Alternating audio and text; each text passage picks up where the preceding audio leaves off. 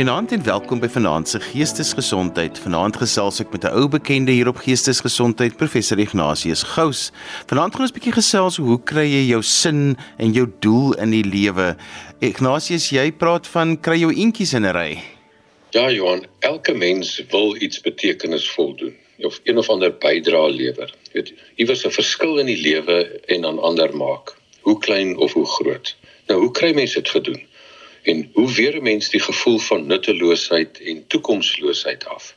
En dit is dit is hoekom ons kan praat as kry jou eentjies in 'n ry of hoe mobiliseer jy jou vermoëns? Vir my help dit om kers op te steek by mense wat dit wel reg kry, om sodoende by hulle te leer en dan te neem wat vir my kan werk.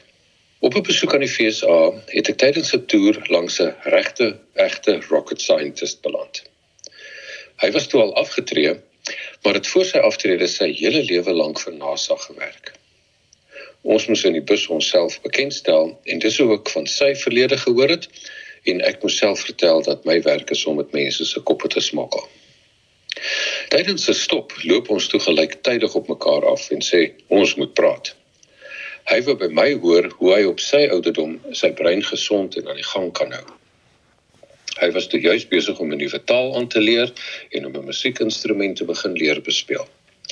Ek vertel hom toe van Mihai Csikszentmihalyi se flow en van wat Kotler daaroor sê en van die fases waardeur 'n mens moet gaan om in hierdie staat van flow in te beweeg om lekker en vinnig en goed te kan leer. Hy was ook baie verlig om te hoor dat om te sukkel om iets te bemeester nie net nodig is nie, maar selfs 'n voorwaarde is om iets te kan bemeester. Nou ja, nadat hy toe my brein goed leeg getap het, was dit my beurt en ek kon nie wag nie. Van kleins af trek alles wat vlieg my aandag, lewend en veral meganies. En as dit nog in die ruimte gebeur, dan het jy my volle aandag.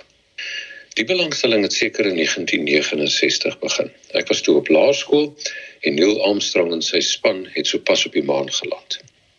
Dit was nog voor die dae van TV, maar die Universiteit van Pretoria het in hulle maskerteater swart en wit skerms opgesit en enige iemand kon vir 'n week of twee lank bloot instap en die opname van die gebeure gaan aanskou.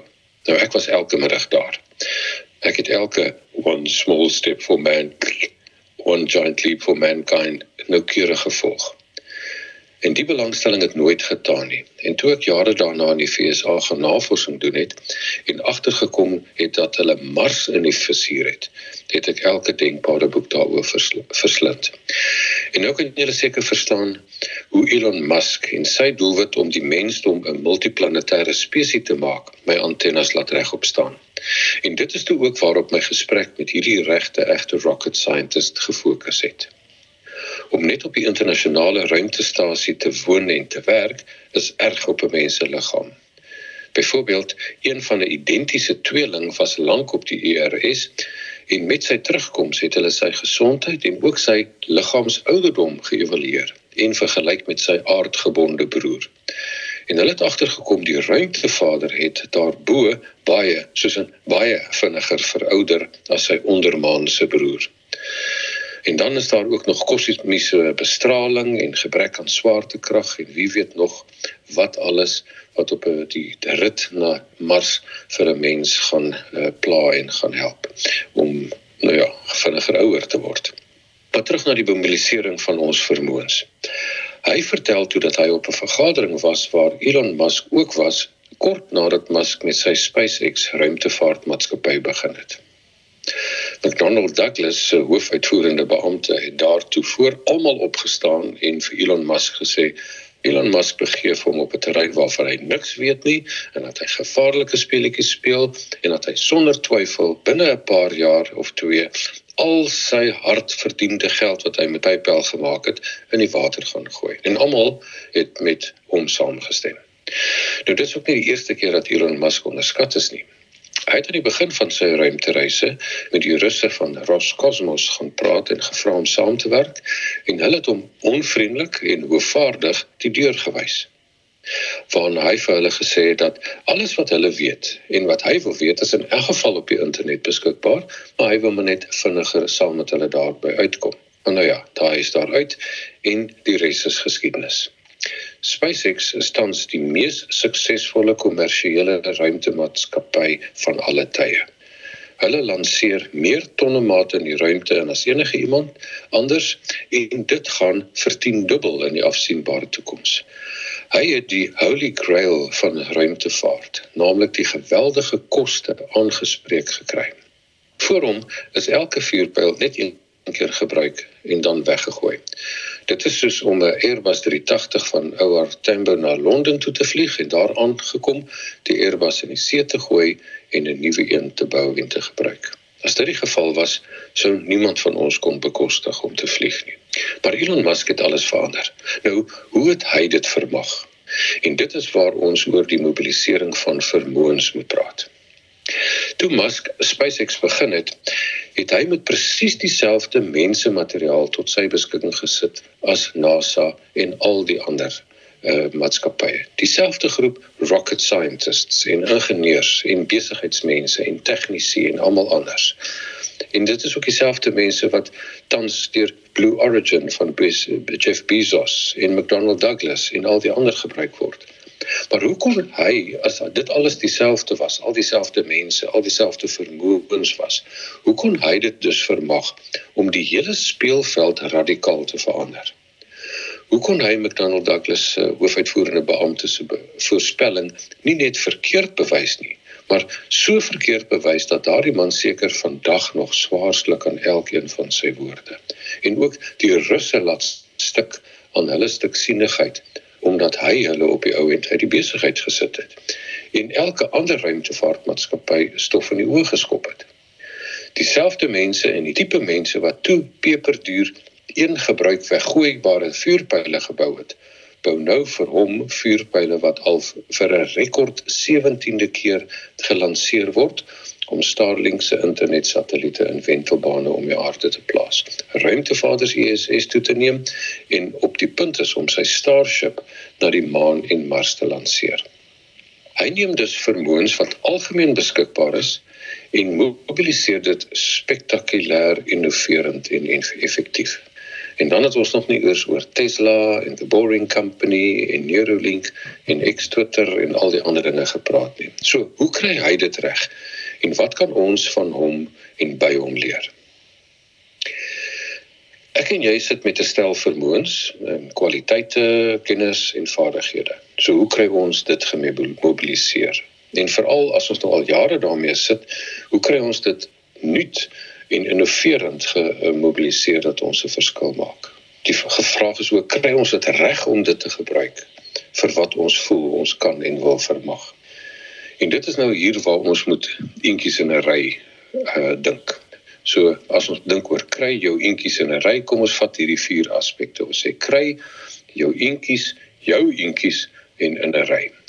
Met kry gaan dit oor ons moet aktief en initierend en innoverend wees. Oor jou eentjies is dit moet persoonlik en individueel en vir jou werk. Jou eentjies beteken wat is jou vermoë? Ons moet 'n vermoë analise doen en in 'n ry beteken ons moet dit op die ou end kry dat dit in 'n rigting stap, naamlik doelgerig op iets afstuur. So kom ons praat oor hierdie vier aspekte van kry jou eentjies in 'n ry en om jou vermoëns te mobiliseer. Die kry is 'n aktiewe proses, iets wat 'n mens moet bewustelik doen. Die rocket scientist met wie ek gepraat het, het baie vertel en gepraat oor die kultuur by NASA. Nou ons weet hulle is 'n ongelooflike maatskappy. Hulle het die mense op die eerste keer op die maan gekry en sopas weer het hulle die Osiris Rex teruggebring met iets wat hulle uh, gaan opvang het by 'n uh, uh, iets in die ruimte om te gaan kyk wat is die stof waaruit die ruimte gemaak is en die vooroorsprong van aarde. Maar ons weet ook egter, hulle het die vermoë verloor om in die ruimte te kom na die Saturnus en die maan projek. En hulle het dit net nie meer gemaak nie en dit is op die ou end toe dit gekom het dat almal afhanklik was van Roscosmos om uh, dinge na die uh, internasionale ruimtestasie toe te vat. En wat hy gesê het is dat hulle was baie hulle is baie bang vir foute. Hulle wil eenvoudig nooit ooit iets laat verkeerd gaan nie. Nou dit is goed en dit spaar lewens.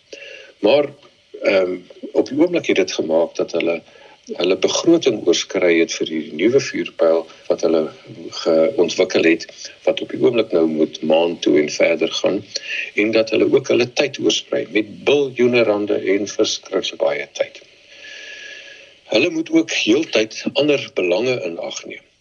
Met ander woorde, hierdie mense sê omdat ons geld vir NASA gee, beteken dit in my staat moet daar sekere dinge gedoen word want dan kan ek weer in die volgende verkiesing sê ons het dit vir ons mense gedoen. En daarom is hulle vervaardiging ook oor groot afstande versprei. En alles dit maak dat hulle suksesvol is, maar dat hulle eintlik nie regtig met sekere dinge vooruitkom nie. En dit is die verskil wat op die ou end wat uh Elon Musk gemaak is. Hy het 'n uh, besondere sterk visie gestel en vir die mense gesê dit is waarop ons gaan fokus. En net daardie fokus het gemaak dat die mense wat tot dusver op ander dinge gefokus het en uh nie reg gekry het nie dat hulle hulle vermoëns so kon inzoom op dit wat nodig was dat hulle die verskille gemaak het waarvoor hy uh dit geval gehad het hulle moes dit doen. En die so benewens die fokus is dit gaan dit ook oor foute. Hy is bereid om foute te maak. As 'n mens dink aan die begin van SpaceX het hulle die Falcon uh, eh, 9 opgestuur en die eerste een het ontplof en toe het hulle veranderings aangemaak en toe die tweede een ook ontplof en daar is daar weer veranderings gemaak en die derde een het ook ontplof. En almal kon dit gesien het en ek dink almal het gedink nou ja, presies, ons het mos gesê jy gaan dit nie reg kry. Maar die vierde ene het toe gewerk. Want hy het elke keer uit sy foute uitgeleer.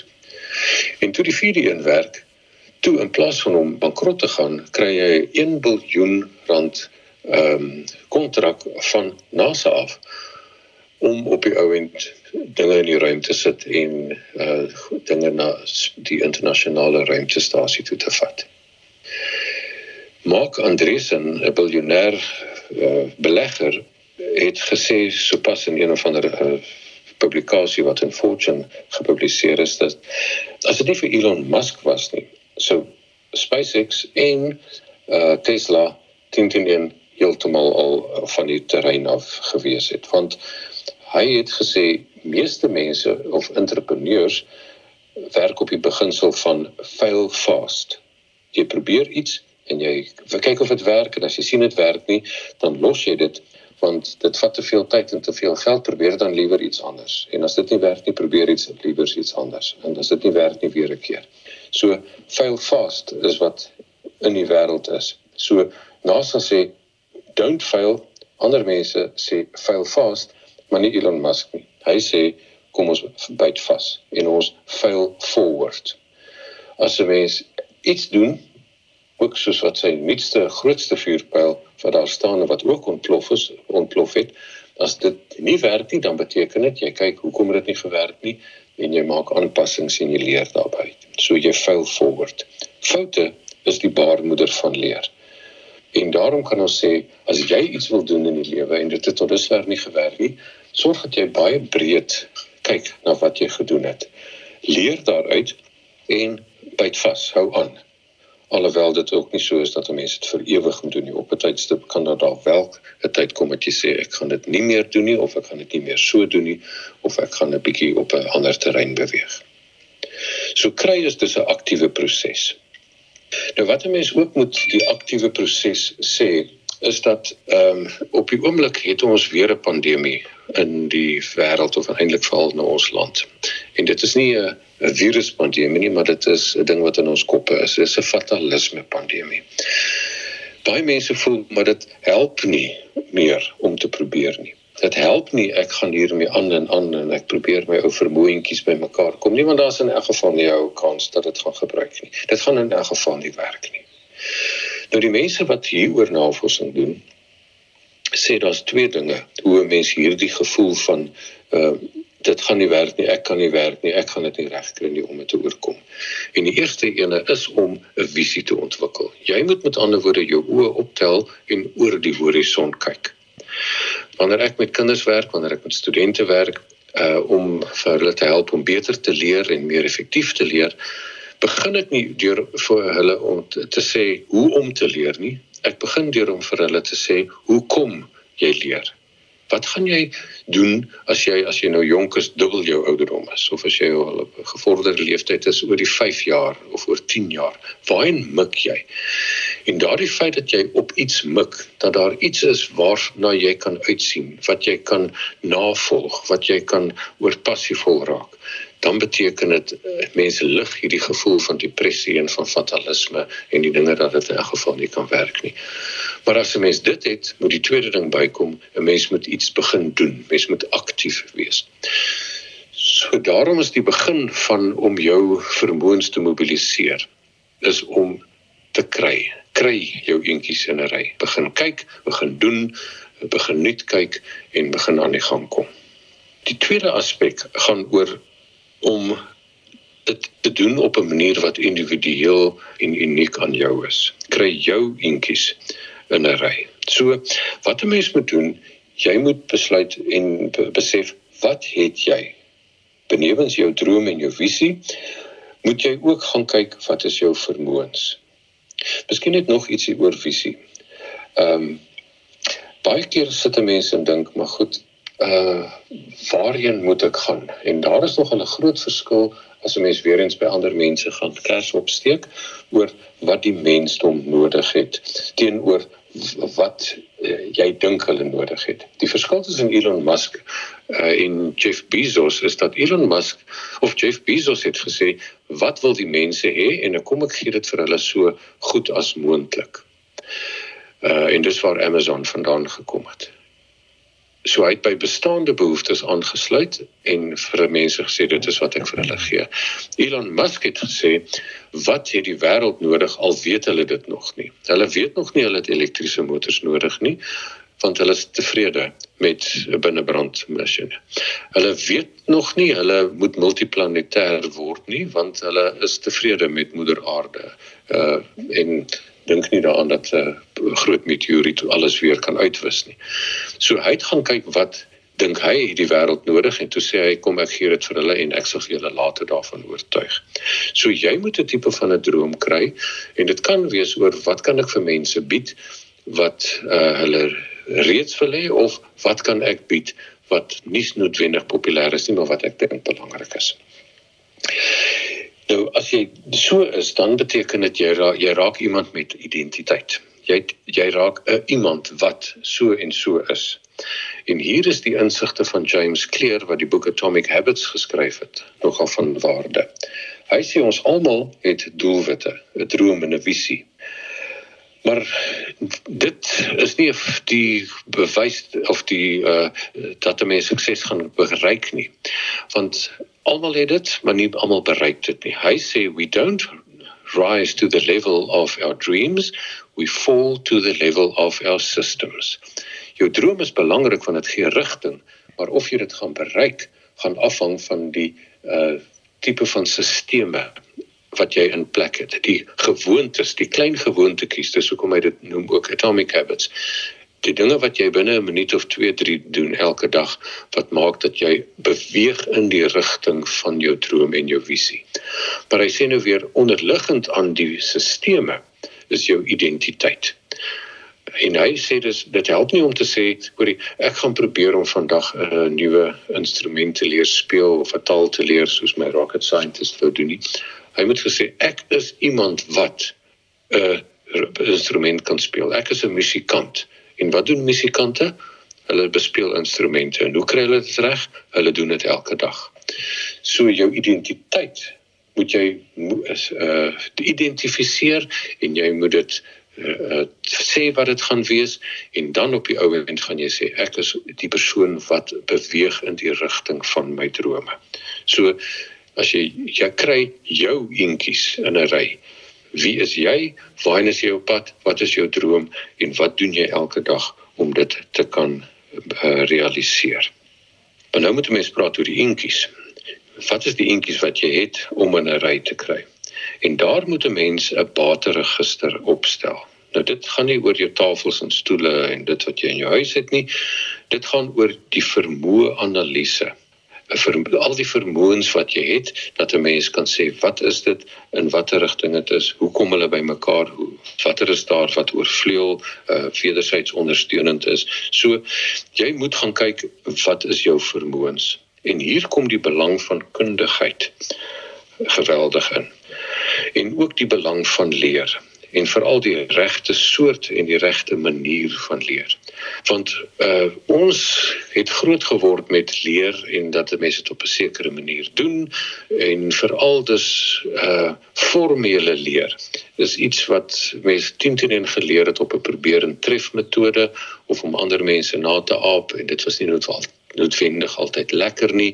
Dis nie uh gemaklik nie en dit is hoekom mense ook nie daarvan hou nie. Dit veral nou in die tye wanneer ehm uh, dinge so vinnig verander en 'n mens moet nuwe dinge byleer, is 'n mens se manier van leer verskriklik belangrik en as 'n mens dit voel dit is nie baie lekker nie, dan beteken dit 'n mens gaan na daarteen opsien of dit vermy en op die ou glad dalk glad nie doen nie en dan stagneer en agterbly. Aan die ander kant, as 'n mens weet leer is 'n verskriklike natuurlike proses. Uh in die gewone lewe uh leer 'n mens by dien elke dag of jy nou wil of nie. Maar wanneer 'n mens jou vermoëns wil mobiliseer, beteken dit jy met jou vermoëns uitbou. En 'n mens moet met ander woorde op 'n manier leer wat gemaklik is en wat uh vir 'n mens deur 'n proses vat om te leer soos wat die brein wil leer. En dit is ook natuurlik nou my taak in die lewe wat ek voel wat ek wil bydra om vir mense daarmee te help. En as 'n mens dus nou dit reg kry om jou vermoëns te verbeter, dan beteken dit 'n mens is op die pad na sukses. Want iemand het gesê sukses is waar voorbereiding en geleentheid mekaar ontmoet. Nou die voorbereiding is onder ons beheer. Dit is wanneer ek leer, wanneer ek lees en wanneer ek op datum bly en wanneer ek belangstel en wanneer ek nuuskierig en weetgierig is oor die werklikheid. En dit is iets wat ek elke dag kan doen en elke dag kan aan die gang hou. Selfs al weet ek nog nie noodwendig wat is die geleentheid of want wat is die nuwe geleentheid wat gaan bykom by dit wat ek reeds doen nie. So sorg dat 'n mens die voorbereiding wat onder jou beheer is elke dag doen en aanhoudend doen. Want die geleentheid is onverwags en gaan opkom en jy kan nie dan op daai stadium dink maar oog iets 'n bietjie ek moet nou vinnig vinnig vinnig op datum kom en uh, daarvoor regkom nie. Sorg dus dat jy altyd vorentoe leer, dat jy heeltyd by mekaar maak. En in die proses moet 'n mens 'n balans hou tussen fokus en wyd kyk. 'n Mens moet in die uh, veld of 'n uh, veld of twee wat in elk geval wat jy al lank reeds beset en goed is moet 'n mens bly uh, vorentoe gaan en meer uh, leer en meer leer ken. En dit is ook belangrik omdat ons reeds gesê het kennis ontplof en is heeltyd aan die uitbrei en 'n mens moet net om by te bly is 'n geweldige harde stuk werk, maar dit is ook baie opwindend. Maar benewens die gefokusde amper laser fokus op dit wat 'n mens reeds kan doen, moet 'n mens ook heeltyd bietjie weier kyk, net naasliggend. Wat lê naasliggend of dalk heeltemal diagonaal oor dit wat ek reeds goed kan doen en wat ek reeds ehm um, kan uh, wat ek vermag het. En dit is soos met myself, weet ek gaan nooit in die ruimte kom nie. Ek gaan nooit uh 'n tipe van 'n ding kan doen wat in daai ding was, maar die belangstelling daarin het vir my gehelp om insigte te kry oor die proses van leer en die proses van mobiliseer van vermoëns. Die volgende stap in die laaste gedeelte wat 'n mens dus moet kyk is dat wat is in 'n ry. Ek het nou uh ek kry wat 'n aktiewe proses is, my wat individueel is en my uh eentjies weet wat my vermoëns is, ek moet hulle in 'n ry kry. En daar moet 'n mens nou die behoefte analise van die mensdom na kyk. Ons het ek het nou reeds verwys na wat die verskil tussen uh, Musk en Bezos dat Bezos gee wat hulle reeds mense wil hê, Musk gee wat mense nie weet hulle nodig het nie.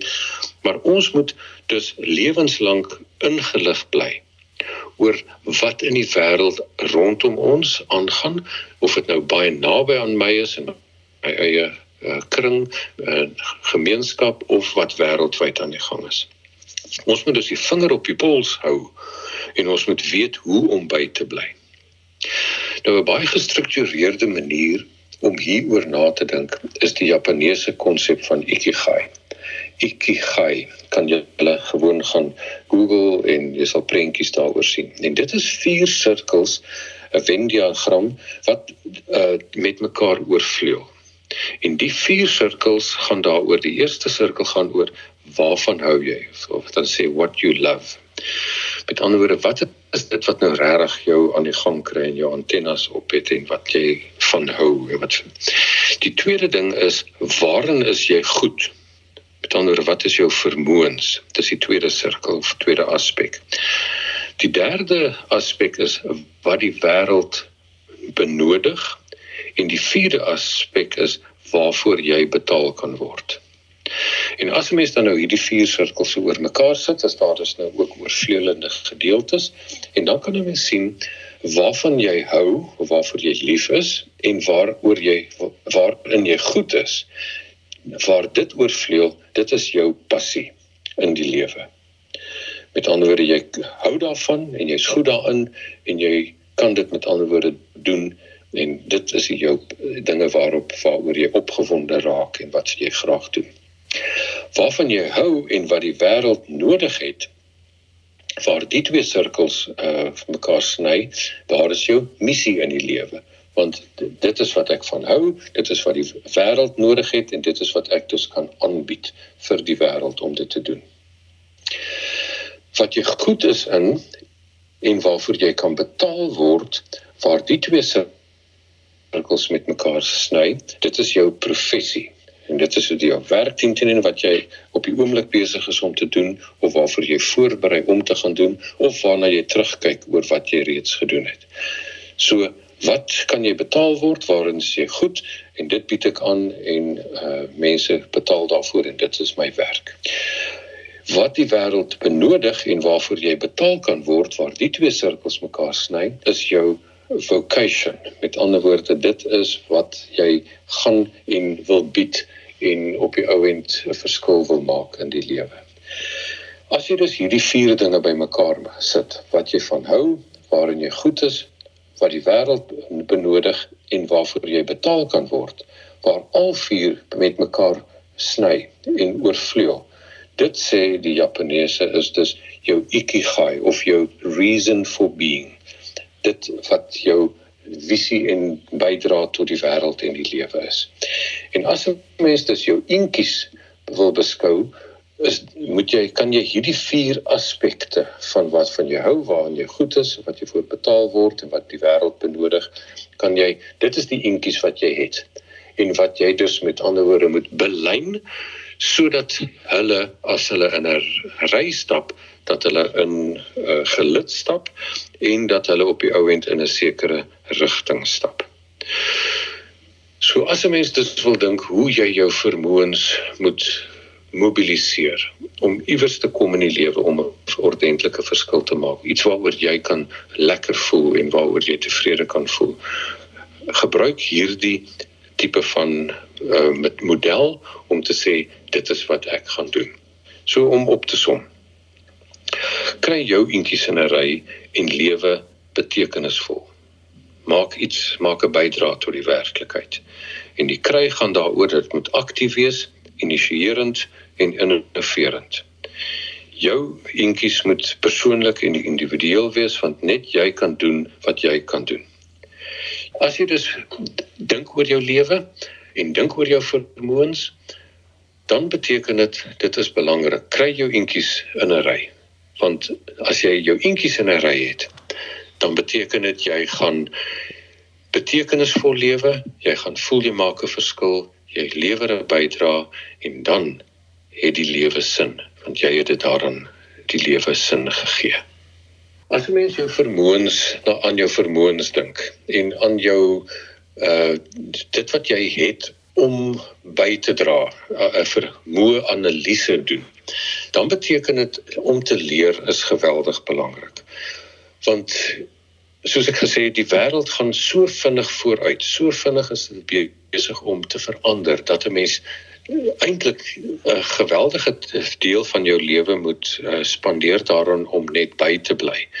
Maar om net by te bly beteken dit jy het nog steeds net iets om by te dra wat ander mense ook al het om by te dra. En dit is nou wat ons nou gesien het met Elon Musk en wat sy hele proses is dat hy het dit reg gekry om mense iets te laat doen wat anders is as wat die werklikheid is het die uh, gewone ding is die, uh, wat hulle op daai stadium gehad het. En om jou vermoëns dus uit te brei beteken dit 'n mens moet leer en die mens moet effektief leer. En wat vir my uh, belangrik is is dat mense dit op so 'n manier doen soos wat die brein wil leer. En daar is sekere fases soos wat 'n mens uh moet wat 'n mens moet deurgaan om op die ou end effektief te kan leer en om te kan bemeester en om op hierdie manier jou vermoëns uit te bou. In die beginfase van hierdie ses fases waarin 'n mens moet deurgaan of waardeur 'n mens moet gaan om te kan leer, is 'n mens moet eerstens opdaag om te kan leer. Ehm um, en vir deesdae met al die afleidings en so aan is dit verskriklik moeilik om te fokus. Maar 'n mens moet 'n gedeelte van die dag eenvoudig gaan sit en sê dit is nou my vermoë uitbreidingsgeleentheid. En om dit te doen beteken dit mens moet gaan sit en gaan lees of mens moet gesit en gaan leer of dit nou informeel of formeel is, maar die belangrikste is 'n mens moet opdaag om te leer. Jy moet beskikbaar wees om te leer en 'n tyd van die dag afsonder waar jy in 'n borrel kan sit en sê hierdie is my leestyd my vermoë uitbreidingstyd. Dan die tweede aspek van wanneer 'n mens dan daar sit, is moet mens moet weet aan watter kennisstruktuur is ek nou besig om te bou. Want uh 'n mens het gewoonlik 'n hele paar dinge waaraan 'n mens werk, maar ek moet sê vir in hierdie tyd gaan ek lees oor hierdie aspek en dan moet 'n mens jou bestaande kennis oor hierdie terrein moet 'n mens aktiveer en dat ek weet hierby dis nou by hierdie ding wat ek uh, besig is en daar's drie dinge wat ek hier gaan doen. Ek gaan uitbrei wat ek nog nie weet nie of ek gaan verander wat ek met ander woorde skeef geweet het of ek gaan vervang wat heeltemal verkeerd is en wat ek geweet het. So ek daag op En dan die tweede ding is ek weet waar ek opdag, watter kennisstruktuur ek nou besig is om te gaan uitbrei. Die derde aspek is mens moet 'n vinnige oorsig oor iets kry. Want een van die belangrikste dinge wat mense agtergekom het is as daar 'n te groot gaping is tussen wat jy nie weet nie en wat jy weet dan raak mense moedeloos en hulle sê maar ehm um, ek kan daar nie by nie of hierdie maak nie vir my sin nie of ek weet nie regtig om hoe om hiervan sin te maak nie. En dis dan wanneer 'n mens begin lees aan iets en dan na rukkie dan sê nee wag, kom ek los dit liewer. As 'n mens egter iets heeltemal nuuts, iets wat selfs vir jou baie moeilik lyk of dink of wat jy voel uh, is bo jou vuurmaakplek. As mens die volgende dinge doen, dan bring 'n mens dit nader en dan kry 'n mens dit makliker onder die knie. En die eerste is 'n mens moet uh, gaan kyk hoe die ding wat jy besig is om te lees of dit die hoofstuk is of 'n artikel is of 'n berig is of wat ook al, hoe is dit gestruktureer? Nou gewoonlik is dit gestruktureer met behulp van opskrifte. So mense gaan kyk hoe die persoon wat dit aanbied sy of haar gedagtegang uh gestruktureer en aangebied het hoe die storie met ander woorde gaan verloop.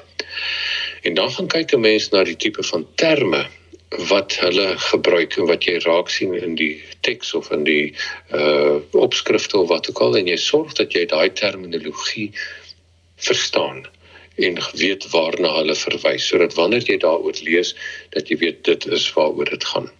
En dan doen 'n mens 'n vluglees. Jy lees met ander woorde die eerste sin van elke paragraaf nie die hele gedeelte in volledigheid nie, maar net die eerste sin sodat 'n mens op hierdie manier kan kyk waaroor gaan dit min of meer.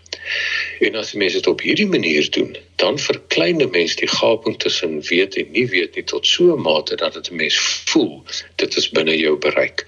En as 'n mens voel dit is binne jou bereik, raak jy nie moedeloos om daarna te kyk nie en dan beteken dit ek is bereid om nou dit dieper te doen.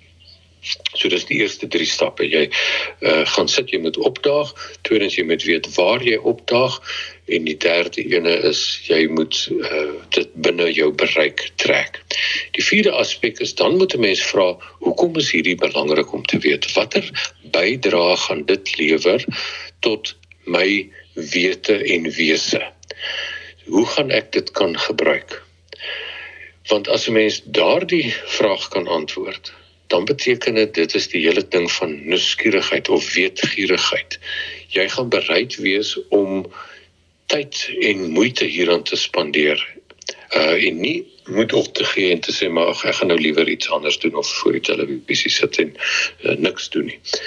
So die weetgierigheid gaan vir jou die sinvolheid van dit wat jy besig is om nou te bemeester of te probeer bemeester om dit vir jou te identifiseer en te aksentueer en die oomblik as 'n mens dit doen dan beteken dit is jou uh beskakel jou brein aan met dopamien en al die ander dinge wat dit afskei om te sê maar ek wil en gaan en is besig om hier aan aandag te spandeer.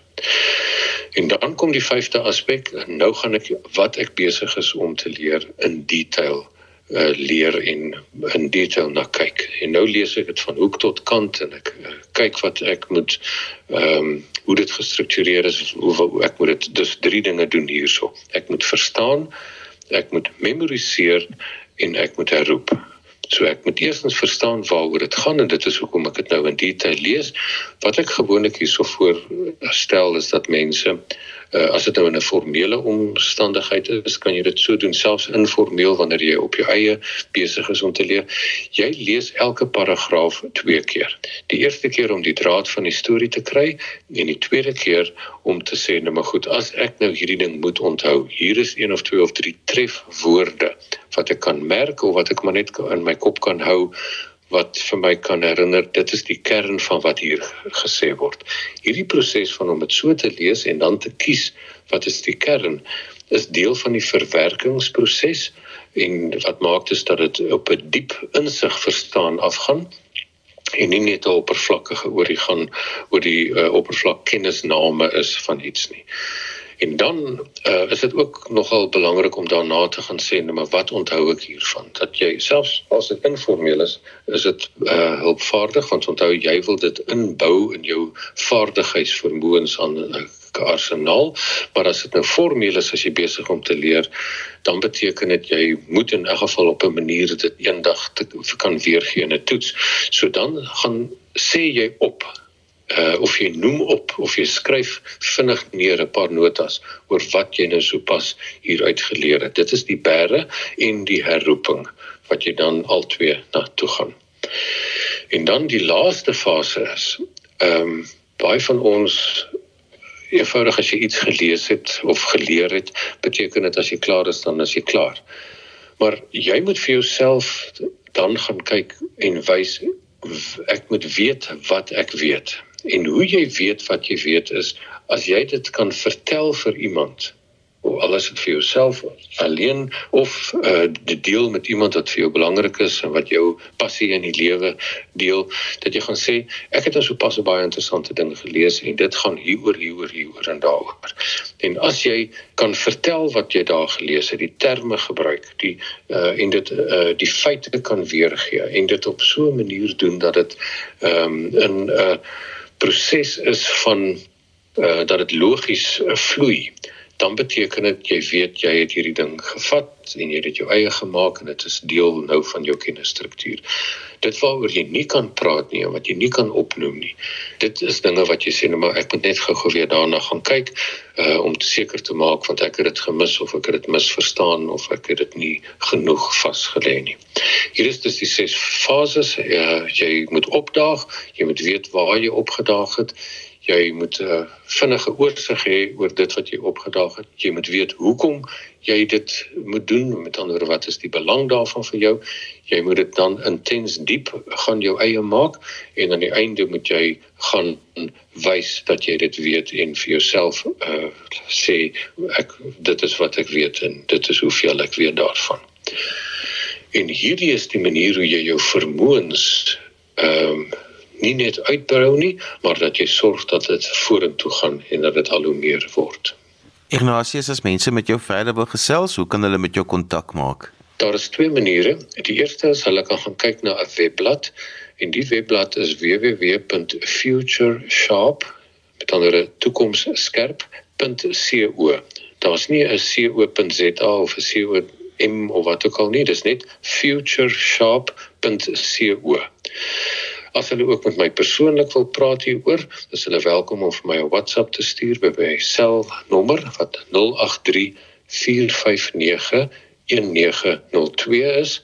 Ek herhaal 083 4591902 of hulle kan vir my 'n e e-pos stuur by ignatius.gous@gmail.com. So dis ignatius.gous. Daar's nie 'n v in nie.